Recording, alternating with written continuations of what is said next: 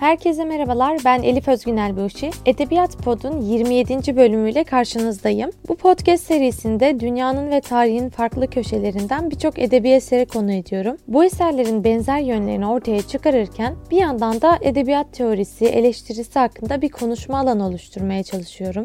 Bu bölümde sizlerle dilin insan zihnini nasıl etkilediğini ve neden ana dilde kitap okumanın birçoğumuz için vazgeçilemez bir tutku olduğunu konuşacağız. Bu konular son haftalarda sürekli düşündüğüm, bu konular son haftalarda sürekli düşündüğüm, bir şekilde beni içine çeken konular. O yüzden de hiç geciktirmeden hemen bu devleri masaya yatıralım dedim. Bu bölüm 20-25 dakikalık çok uzun bir bölüm olmayacak. Biraz daha hani böyle kısa sürede çok bilgi vereceğim bir bölüm tasarladım.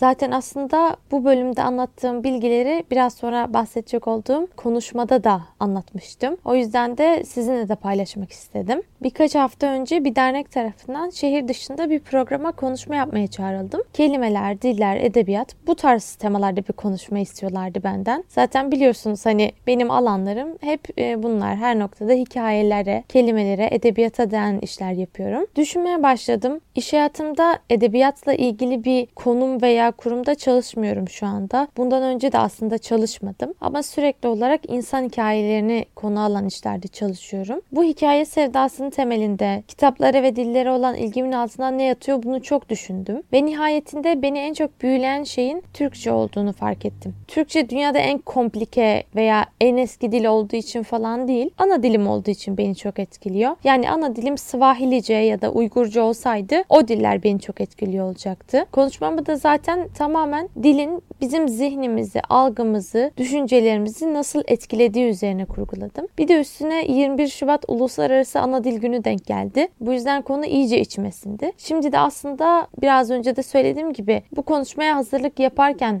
araştırdığım konuları sizinle de paylaşmak istiyorum. Çünkü bence gerçekten edebiyat podda yer alması gereken konular bunlar. Özellikle de ana dilde edebiyat konusu, ana dilde edebiyat okuma konusu. Bununla ilgili ben daha geniş içerikler şeyler yapmak istiyorum. Sadece böyle bir bölümde bahsedip geçmeyeceğim. Üniversitenin ilk yıllarında dil bilim dersi aldım Nihan Ketres Hoca'dan. Ders beni çok etkiledi. Gerçekten sürekli kafamda soru işaretleriyle dolaşıyordum. Hocanın da asıl çalışma alanı çocukların dil edimi olduğu için benim sorularım tabii ki bu alana yönelik oluyordu genelde. Bunun da bir alt başlığı olarak çift dilli ya da çok dilli çocuklarla ilgili düşünüp duruyordum. Sorularımın birçoğuna kolay cevap bulabildim. Mesela bir çocuğu dillerden izole olarak büyütürken büyütürsek bu çocuk ileride bir dili tam olarak öğrenebilir mi? Veya yetişkinler olarak dil öğrenirken beyinlerimiz nasıl paternler istiyor? Zaten bu dilden izole yetişmiş çocuklar çok ayrı bir konu. Bu çocuklara feral child deniliyor. Bu şekilde aratıp bulabilirsiniz. Türkçede de vahşi çocuklar olarak aratabilirsiniz. Çok örnekler var, çok ilginç deneyler var. Tabi bu deneyleri yapmak etik dışı. Bazı çocuklara aileleri bu tarz bir muamele uygulamış ya da aileleri yokmuş, ormana atmışlar vesaire dair o çocuklar üzerinden yapılmış çok fazla deneyler var. Kesinlikle bence göz atın.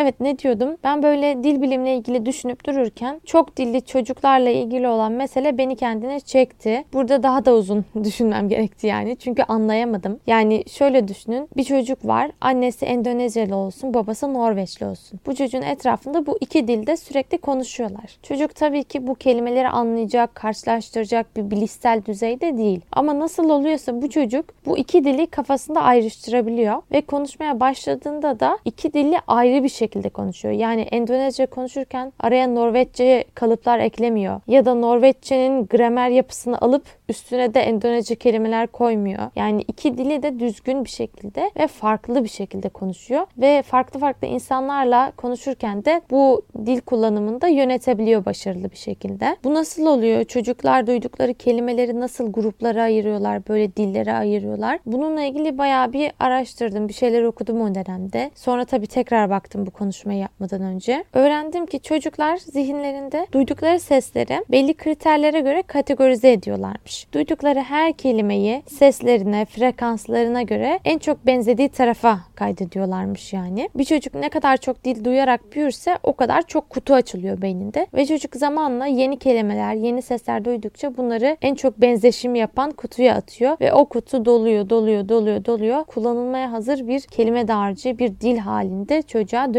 Çocuk bunları öğrendikçe de aslında dünyaya öğrendiği kelimelerin penceresinden bakmaya başlıyor. Bu cümleyi mecazi söylüyorum tabii ama gerçek anlamı da var. Sapir-Whorf hipotezini daha önce duymuş muydunuz bilmiyorum. Dil bilimde en önemli hipotezlerden biri bu. Sonrasında onu da çürüttüler zaten. Hani bilim kimseye acımıyor hakikaten. Ama yine de düşünme pratiği yapmak için çok işe yarar bir iddiası var bu hipotezin. Diyor ki sözcükler dünyayı nasıl algıladığımızı belirler. Birkaç örnek vereyim hemen. Biliyorsunuz biz Türkçe'de kelimelere cinsiyet vermiyoruz ama Arapça, Almanca, İspanyolca gibi birçok dilde tüm eşyalar müennes müzekker yani feminen, maskülen olarak söyleniyor. Anahtar kelimesi üzerinden gidelim. Anahtar kelimesi Almanca'da maskülen bir kelime. İspanyolca'da da feminen bir kelime. Bir araştırma yapıyor dil bilimciler. Burada bir Almanca konuşan grup var, bir İspanyolca konuşan grup var. İkisinden de anahtar kelimesini birkaç sıfatla tarif etmesini istiyorlar. Bu iki gruptan Almanca konuşanlar anahtarı tarif ederken sert, ağır, dişli, sıfatlarını kullanıyorlar. İspanyollar da tam tersi küçük, sevimli, parlak, karmaşık gibi sıfatları tercih ediyorlar. Aslında anahtar dediğimiz şey herkesin zihninde aşağı yukarı aynı şey. Yani işte genelde pirinçten ya da metalden yapılmış kilidi açmaya yarayan işte dişleri olan e, bir alet, bir edevat. Hani bunun bir tane tanımı var. Ama o anahtarı nasıl zihnimizde canlandırdığımız, gözümüzün önüne anahtar deyince ne geldiği bunlar tamamen konuştuğumuz dil tarafından belirleniyor. Hatta burada belki de hani çok takılmayacağımız feminen maskülen olması gibi böyle basit bir konu. Gerçekten Almanca konuşanlar ve İspanyolca konuşanların anahtarı birbirinden tam zıt bir şekilde algılamalarını sağlıyor. İkinci bir örnek daha vereyim. Bu yazıyla da ilişkili. O yüzden de benim için çok önemliydi. Bu araştırmada 3 grup yapılıyor. Birinci grubun konuştuğu dilde kelime dizimi soldan sağa, İngilizce ve Türkçe gibi. İkinci grubun konuştuğu dilde sağdan sola. Bu da Arapça olabilir mesela. Son grubunki de yukarıdan aşağıya doğru. Buna da Çince diyebiliriz. Araştırmacılar bu gruplardan bir çiçeğin büyüme evrelerini çizmelerini istiyorlar. Gruplar sonrasında bir kağıt üzerine işte çiçeğin e, tomburcuk hali, yok açmış hali, büyümüş hali gibi e, büyüme evrelerini çiziyorlar. Ve bu sıralamayı yaparken, yaptıkları çizimleri sıralarken alfabe dizilerine göre sıralıyorlar. Mesela İngilizce'de veya Türkçe'de yazı yazarken biz biliyorsunuz hani soldan sağa doğru yazıyoruz. Bu yüzden çiçek evrelerini çizerken de soldan başlayıp sağa doğru çiziyoruz. Yani çiçeğin en küçük halini biz en sola koyuyoruz. En büyük açmış hani gelecekteki halini de sağa koyuyoruz. Arapça alfabesini kullananlarsa sağdan sola doğru sıralıyorlar. Çinceyi kullananlar da tabii ki yukarıdan aşağı doğru. Çünkü gelecek bizim için sağ tarafta. Arapça konuşanlar için sol tarafta,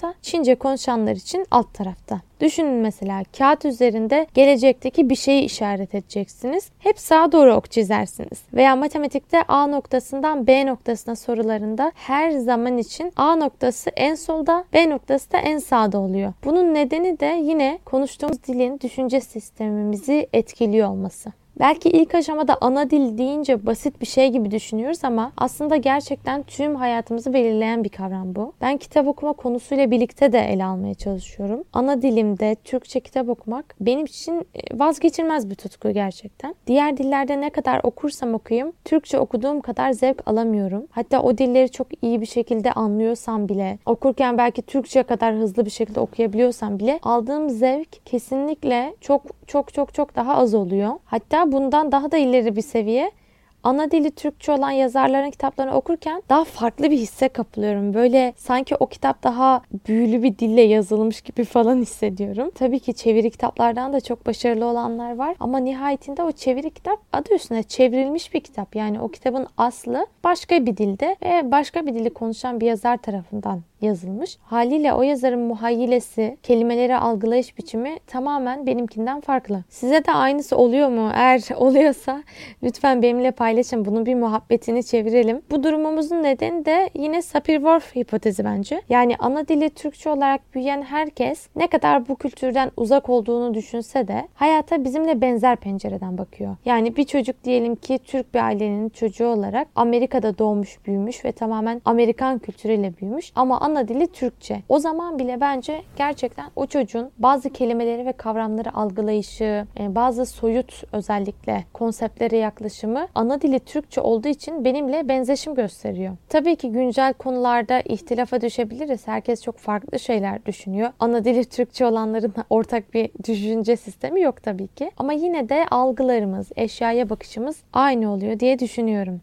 Bu yüzden de o yazarların yazdığını okurken e, bende de benzer imajlar oluşuyor. O kelimeyi okuduğumda kafamda çok çok benzer bir şey ortaya çıkıyor. Geçenlerde Nermin Yıldırım okudum mesela. En çok o zaman hissettim bunu. Bir de uzun süredir hep çeviri kitapları okuyordum ben. Onlardan sonra böyle Türkçe yazılmış ve çok da nefis kaleme alınmış bir kitabı okuyunca resmen yol kenarında altın bulmuş gibi bir hisse kapıldım. Dokunmadan kitabını okudum. Şimdi diğer kitaplarını da okuyacağım. Ayfer Tunç da okuyorum bu aralar. Ondan bahsettiğimiz bölümler de yapabiliriz ileride. Zaten biliyorsunuz e, daha geçen bölüm Ahmet Hamdi Tanpınar'ı konuştuk. Elimden geldiğince böyle Türkçe yazan yazarları da gündemde tutmak istiyorum. Bu podcast çevresinde bile olsa onları e, bırakmak istemiyorum. Ama özellikle Twitter gibi mecralarda çok fazla şöyle içerikler görüyorum. İşte Türkçe edebiyatı küçümseyenler, Türk edebiyatında düzgün kitap yok diyenler ya da ya ben Türk edebiyatı okumuyorum böyle triplere girenler falan. Bunlar bana çok saçma geliyor gerçekten. Hiç hiç anlam veremiyorum. Benim için açıkçası